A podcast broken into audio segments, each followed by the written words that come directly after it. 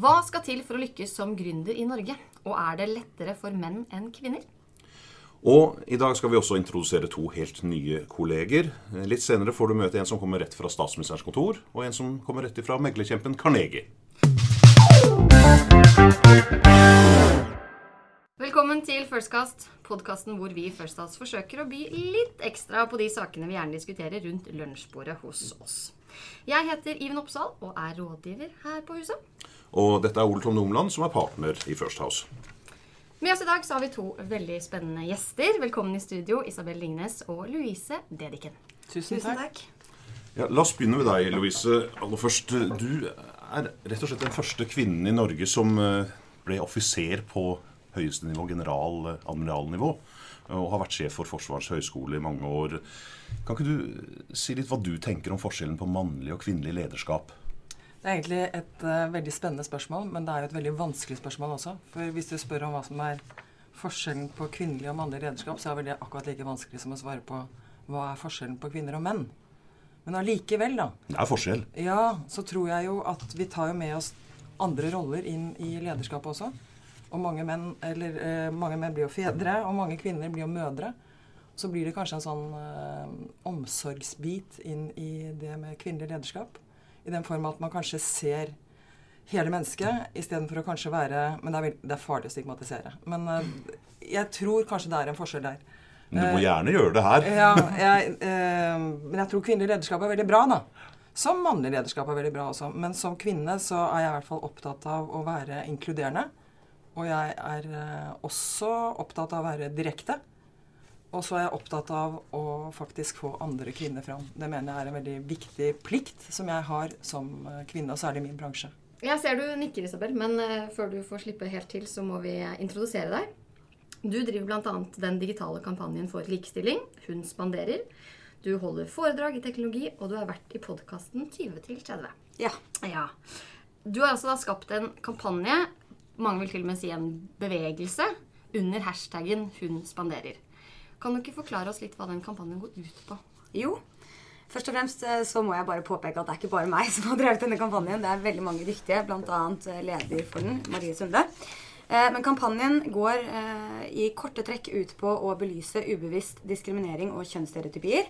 Vi har to kampanjer. Den første var mer generell og, og, rettet seg mot samfunnet som helhet. Og den andre gikk mer i retning næringslivet.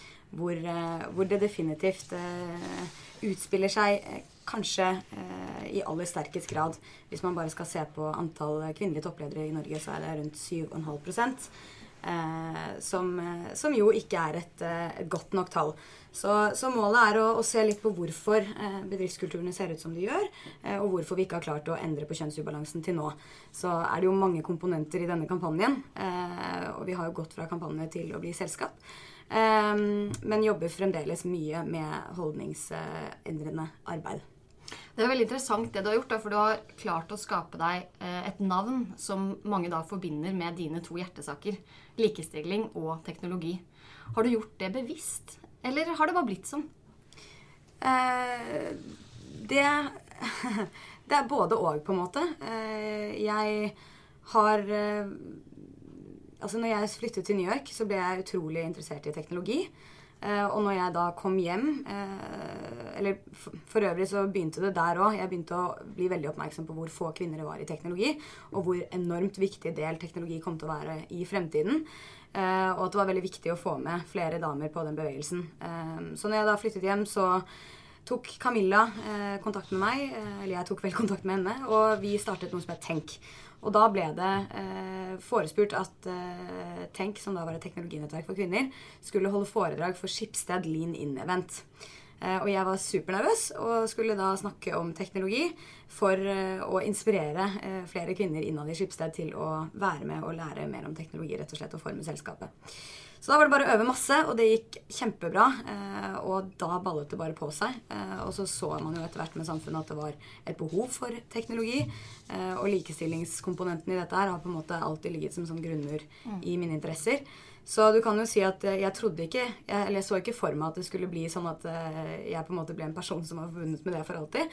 Men det har på en måte bare blitt sånn. og, og de to hjertesakene er jeg veldig, veldig glad for å kunne kjempe frem. Jeg har lyst til å skryte litt av Isabel, for at den tonen som de liksom har satt i den kampanjen, den er fantastisk fin. Det er ikke sånn der kjeftetone i det hele tatt. Det er bare sånne gode eksempler og en sånn inkluderende form som er veldig appellerende. Jeg er veldig stolt for at jeg har fått lov til å være ambassadør for uh, Hundsmader også. Nå skal vi gjøre litt samarbeid med Forsvaret, og vi trenger det. Og det er liksom snakk om sånn uh, ubevisst diskriminering, da. At vi kanskje diskriminerer mellom kjønn med det språket vi har, og på måten som vi formulerer oss på veldig mange måter. Så jeg er veldig imponert og veldig glad for å få lov til å få en bitte liten del av det òg. Vi er ekstremt takknemlige for å ha med Lise. For det har jo på mange måter blitt kroneksempelet på den nye formen for influencers som vi nå ser. Altså rosabloggere, ut med de. Inn med kunnskapsbaserte influencers. Eh, har det liksom Det å være kvinne, det å være blond, pen Har det vært fordeler eller ulemper i, i den veien? Eh, tusen takk, forresten. um, jeg tror nok uh, med alt i livet så er det jo fordeler og ulemper ved ting. Uh, jeg velger jo å se fordelene med det. Uh, men samtidig så ser jeg jo Og dette går jo på det ubevisste igjen, da, men det har jo vært mange ganger hvor man er på foredrag f.eks., for og folk liksom kommer til deg og er veldig overrasket over at du har noe å melde. Så du føler jo på en måte at du må overbevise eller liksom overlevere gang på gang på gang på gang for at noen skal ta deg seriøst. Eh, eller f.eks. at eh, du møter veldig mye skepsis i møter med eh, toppledere og ledere, eh, som, som, ikke de som har vært i Hundspanderkampanjen, vel å merke, men i andre settinger. Eh, og da må du nok bevise eh, enda mer hele tiden. Men samtidig så pusher det deg bare til å bli bedre, da. Men dere møttes var det forrige uke på et, et felles seminar under tittelen 'Shikonomy'. Mm. Eh, og, og, det er liksom det nye her. altså Det er ikke gammel feminisme sånn som vi kjenner det klassisk, ja. eller fordommen rundt klassisk feminisme. Mm. Det handler om at eh, likestilling er bra for business. Mm. Eh, hva, hva, hva, hva, er det for noe? Det er, sånn, det er, et annet veldig kult initiativ. da, Og den som er foregangsfigur først og fremst her i Norge, det er jo Benja Stig Fagerland. Og hun eh, ser da på rett og slett det positive, sånn som du sier her. at uh, Bare tenk på hva man kan få til når man også inkluderer kvinner og likestilling. At det kanskje blir enda bedre business. Og det støtter både Isabel og jeg. Vi syns det er veldig bra. Um, så det er, um, det er, en spennende kampanje som jeg tror vi vil se veldig mye mer til. Mm. Er det bedre business, eller er det si, noe man sier, og det er politisk korrekt på den nye måten? Alle, all, altså all, forskning viser jo at eh, det lønner seg med likestilling. Og så er det mange som eh, har eller, eh, typ, kan stille spørsmål ved hvordan rapporten er gjort og forskningen er gjort. Men stort sett så viser alle forskninger fra de største konsulenthutene at det lønner seg å ha både mangfold og eh, kjønnsbalanse. Eh, og så vet man jo at altså det er jo ikke nødvendigvis det at det liksom er at man har flere kvinner som gjør at det, eh, selskapene gjør det bedre sånn eh, finansmessig. Eh, det er fordi at man vet at disse bedriftene som fremmer likestilling, ofte fremmer et mangfold av talenter. Mm. Eh, og evner å se eh, dyktige, flinke mennesker og, mm. og, få de opp og frem. Så vet vi også at de rekrutterer fra hele befolkningen, og ikke halve. og ikke minst så svarer de jo, eller de har på en måte muligheten til å se behovene til hele befolkningen som de skaper til. Altså både kvinner og menn, som da stort sett selskaper gjør. Og dette er jo da også en del av det Benja Stig Fagerland snakker om. Eh, og hun trekker også bl.a. frem det at eh, kvinner står for omtrent 75% av kjøpekraften i dag. Eh, og det sier jo litt om hvor viktig det er å faktisk treffe kvinner med både budskap og produkt. Hvordan jobber man som selskap da, om man ønsker å legge til rette for eh, kvinnelige lederskikkelser? Det er i hvert fall jobb, eh, en jobb man må gjøre kontinuerlig. Eh, da snakker jeg av egen erfaring. For du må være våken ved hver eh, korsvei hvor det er snakk om en tilsetting eller å leie noen inn, eller hva som helst. Hvor, sørge for å få flere kvinner inn til de stedene der hvor beslutninger tas. Og det er jo det samme som gjelder i da. At ideen er at hvis du får et større mangfold av beslutningstakere når du skal ta store beslutninger, så blir rett og slett beslutningene bedre. Men når det gjelder å få fram uh, flere kvinner, så må du motivere litt ekstra. Fordi jeg er redd for at det er en del kvinner som uh, tror at de skal kunne så innmari mye for å bli ledere. Men det er veldig ofte sånn at det er greit akkurat sånn som du er. Og bare liksom by på det. Og det er uh, masse styrke som du har med deg. Så det å motivere kvinner, de, hvor de kanskje er på et nivå hvor de tror de ikke kan mer, må få dem til å slappe av og være gode akkurat sånn som de er. Ja, Det må jeg bare rose deg for, fordi du ufarliggjør den eh, kvinnelige lederskikkelserollen. Både du og Anita Krohn Traaseth og en del andre eh, toppledere i næringslivet som er såpass åpne på sosiale medier, og apropos dette med influencers og kommunikasjon. Mm. Altså, Du gjør det slik at man blir veldig glad i eh, personen bak rollen. Eh, og det ufarliggjør på en måte jobben din, og det virker veldig spennende. Og det gjør jo at det da motiverer eh, yngre, tror jeg. Men uh, Louise, du gikk til topps i en ekstremt mannsdominert uh, bransje. Mm. Hvis man kan kalle det Forsvaret for en bransje, da. Ja, jo gjerne. Men, ja, men, men, men uh, når er det liksom dette kommer i likevekt, tror du? I Forsvaret? Altså, du, ja, for du, du løper jo foran, ikke sant? Altså, altså, Er det sånn at det er en evig kamp? Det er mye spennende som skjer nå. da. Nå har vi allmenn verneplikt. Og plikten er jo like da stor for kvinner som for menn.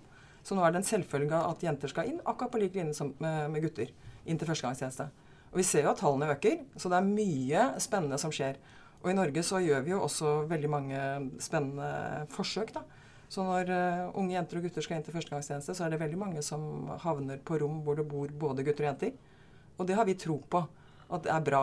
Altså, De er 19 år da, og kommer liksom rett fra russefeiring. Og det å bo på et rom hvor de skal lære disiplin og alt mulig, så ser vi da ut fra forskning at uh, vi tar på en måte vekk den der uh, seksuelle greia. At det blir mer sånn familierelasjoner i disse rommene. Og skaper en sånn gjensidig respekt mellom jenter og gutter. Det er veldig, veldig flott. Jeg var faktisk litt skeptisk selv før de satte i gang. Men uh, altså, forskere tilbakeviser det og sier at dette her går bra. Men det fordrer jo veldig godt lederskap, da. Mm. Så du kan liksom ikke tillate tøys. Så, og det er jo gjennomgående hele veien i Forsvaret at vi må sørge for å sørge for godt lederskap på ethvert nivå.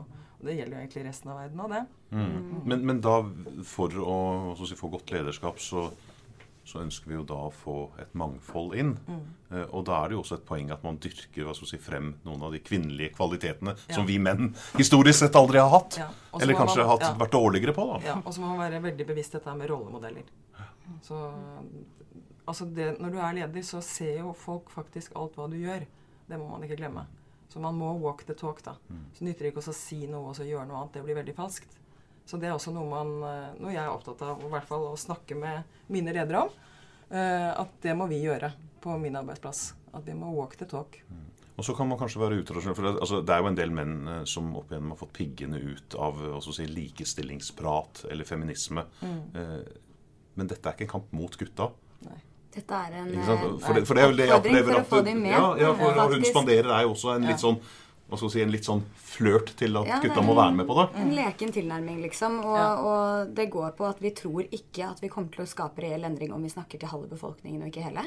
Uh, og så har vi jo gjennom veldig mange samtaler forstått at uh, veldig mye av dette, disse tendensene som skjer, er ikke fordi at menn nødvendigvis mener det. Det er fordi at man ikke forstår, fordi man ikke nødvendigvis har måttet tilbringe livet sitt på motbevise stereotyper eh, på bakgrunn av eh, kjønn eller etnisitet eller legning eller religion eller hva det nå er. Mm.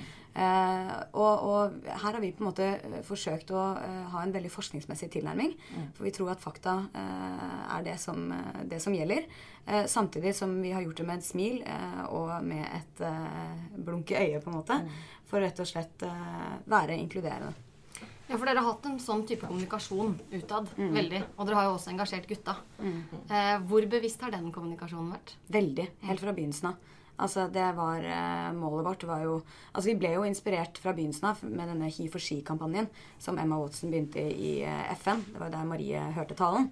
Uh, og uh, vi, det var en ganske sånn, uh, i hvert fall i, i, i, min livstid, en veldig ny tilnærming på hvordan man skal ta tak i det som tradisjonelt sett har blitt sett på som kvinners rettigheter, mm. fremfor menneskerettigheter, som det jo helt opplagt er.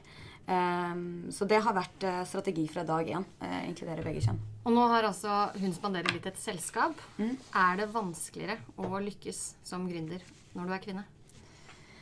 Eh, skal man tro forskningen, så er det jo det. Og det tror jeg absolutt eh, at stemmer. Eh, men nå har jo jeg aldri vært mannlig gründer, så jeg vet ikke hvordan det er. på en måte. Hvilke utfordringer har du møtt som var eh, Det er jo vi er jo veldig i startfasen, så jeg kan ikke snakke på en måte på vegne om at liksom hvordan, eller hvor vi kommer hen til slutt. Det kan godt hende at jeg kommer til å møte på mange. Men du kan si at jeg kjenner jo veldig mange kvinner som har startet uh, store selskap, og hører stadig vekk refleksjoner om uh, hvordan de ja, går på dette med ubevisst igjen, da, hvordan de blir undervurderte, og hvordan de uh, ikke blir lyttet til, eller ikke får samme type posisjon og makt. Og liksom, det er veldig mange sånne ting, da. Så det kan jo hende at man møter på de senere i livet, men nå er jeg i hvert fall veldig bevisst på de og forberedt på de, så får håpe at det spiller til en fordel. Jeg ser på klokken, og vi skal avslutte med et spørsmål hver. Eh, Louise, hva er ditt råd til kvinner? Ett råd. Jeg har uh, sagt i mange sammenhenger, og jeg er så veldig opptatt av uh, det jeg skal si nå, nemlig at vi må rett og slett huske å løfte hverandre fram. Altså, det er ingen som blir dårligere av å snakke andre fram. Det går bra. Og det er faktisk, hvis jeg skal si på motsatt måte, det verste vi kan gjøre, det er å snakke andre kvinner ned. For det blir eh, Det kommer tilbake til en selv. Så det er mitt uh, råd. Mm.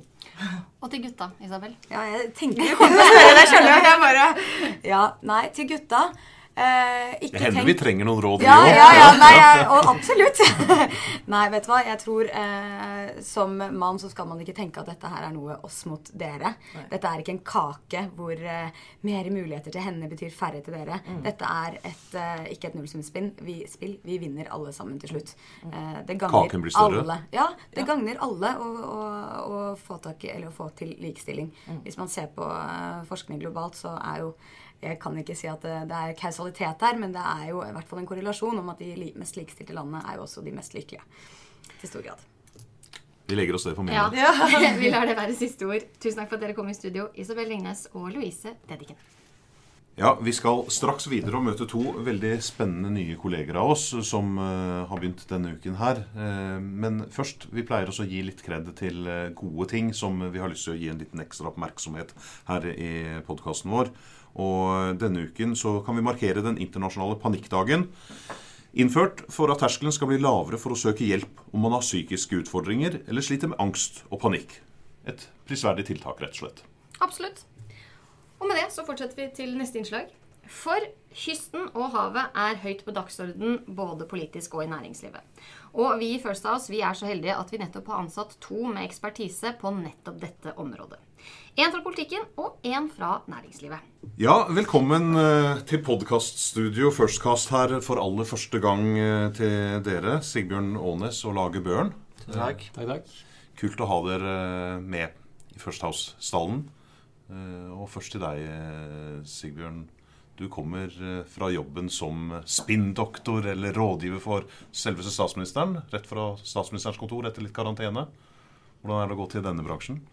Nei, Det er jo først og fremst veldig gøy å få lov å jobbe etter å ha vært seks måneder i eh, karantene. Eh, men jeg gleder meg veldig mye til å få fortsette å jobbe med mange ulike problemstillinger. Jobbe med ulike selskap og ulike utfordringer. Eh, det var litt av jobben min på statsministers kontor, var jo å jobbe med ulike departementer. og Det kunne være saker som var utenriks, eller kunne handle om finans, kunnskap eller næringspolitikk. Og det er jo noe av det jeg, som fascinerer meg med å begynne å jobbe i First House, at det er, det er, så mange ulike utfordringer man på, møter på jobb fra veldig forskjellige næringskunder. Og det, det gleder jeg meg til. Det har vært veldig mange fordommer mot vår bransje i politikken. Hvordan har du sett på denne bransjen fra den posten du har hatt?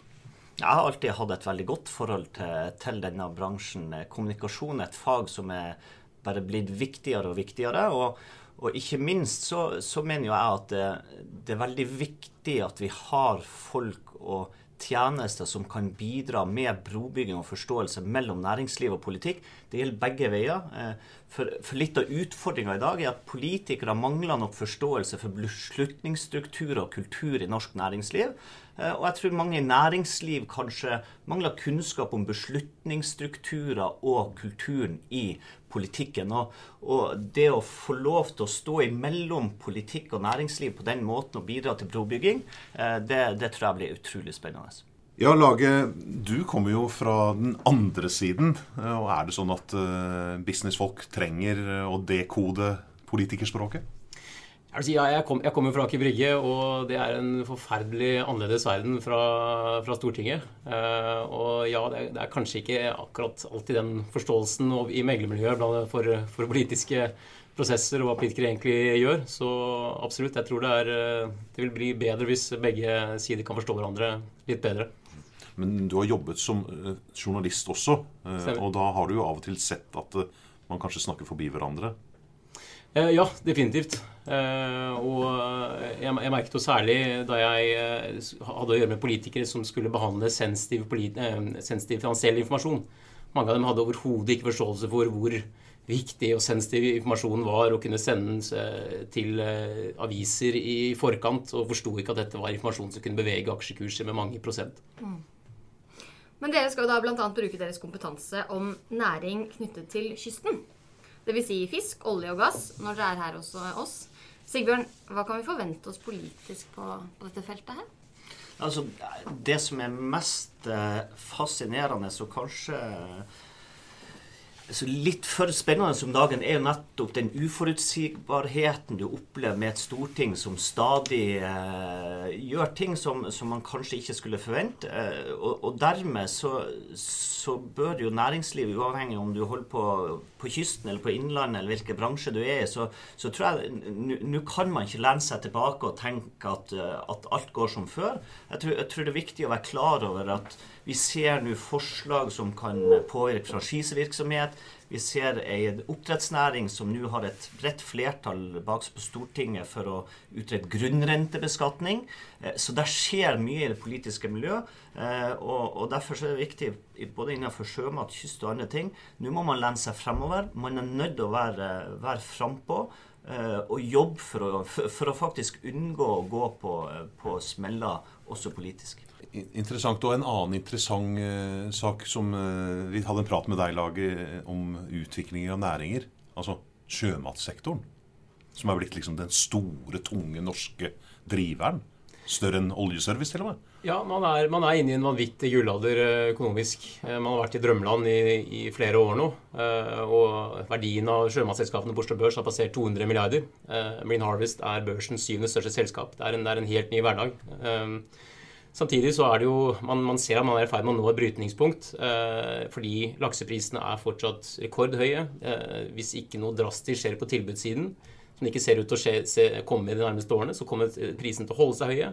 Oppdretterne kommer til å fortsette å ha superprofitt. Eh, og da vil jo bare oppmerksomheten mot dem øke. Det ser vi også gjennom denne grunnrentebeskatningen. Ja, og, og, og så får du da den klassiske konflikten mellom oljeutvinning som jo er den klassiske næringen vi har tjent masse penger på langs kysten, og den nye næringen. Og det skaper jo politiske kontroverser. Ja, eh, det gjør det. Nå er det jo noe felles for, eh, for oljenæringa og sjømatnæringa nå om dagen, er at de begge er under politisk press på ulike, ulike måter. Men det er klart, du, du vil også kunne få, få, utfordringer mellom de to næringene. Det, det, har jo vært en diskusjon langs enkelte deler, deler av kysten. Ikke så sterkt som den tradisjonelle fiskerinæringa og oljeindustrien, hvor det, hvor det alltid har vært veldig eh, mye konflikt, eller i hvert fall politisk konflikt. Eh, men det er klart at eh, det vil skje mye framover. Og, hvis jeg var lakseoppdretter i et stort oppdrettsselskap i dag, så, så, eh, så er det nå tida inne for å faktisk eh, virkelig step up the game. For hvis ikke, så, så kommer det til å bli krevende for denne næringa framover. Tror noe, av det næringen er bekymret for, de, de, ser jo også at investeringsbehovet øker og øker. Altså, produksjonen, for, for å håndtere de biologiske problemene så blir produksjonen mer og mer kompleks. Det krever større og større investeringer. Samtidig har nå myndighetene skrudd opp prisen vesentlig på nye konsesjoner. Så det blir, det blir, fryktelig dyrt å vokse. Eh, og man kan også komme i en situasjon hvor man også da må endelig eh, skatte av den verdien som man har fått eh, langt tilbake i tid gjennom gratis konsesjoner. Så det, er, det, er en, det en, kan bli en helt ny hverdag for en lakseoppdretter fremover. Og de er nok bekymret for konkurranseevnen på sikt hvis beskatningen blir, blir, satt for høyt. Så det blir jo et veldig spennende tema i, i tiden som kommer. Det blir veldig spennende, og vi lar det være siste ord. Takk for at du hørte på Firstcast. Husk at du finner oss på Facebook. Og at vi legger eh, ut eh, mye annet moro på vår hjemmeside på firsthouse.no. Mitt navn er Iven Oppsal. Dette er Ole Tom Nordland. Vi høres.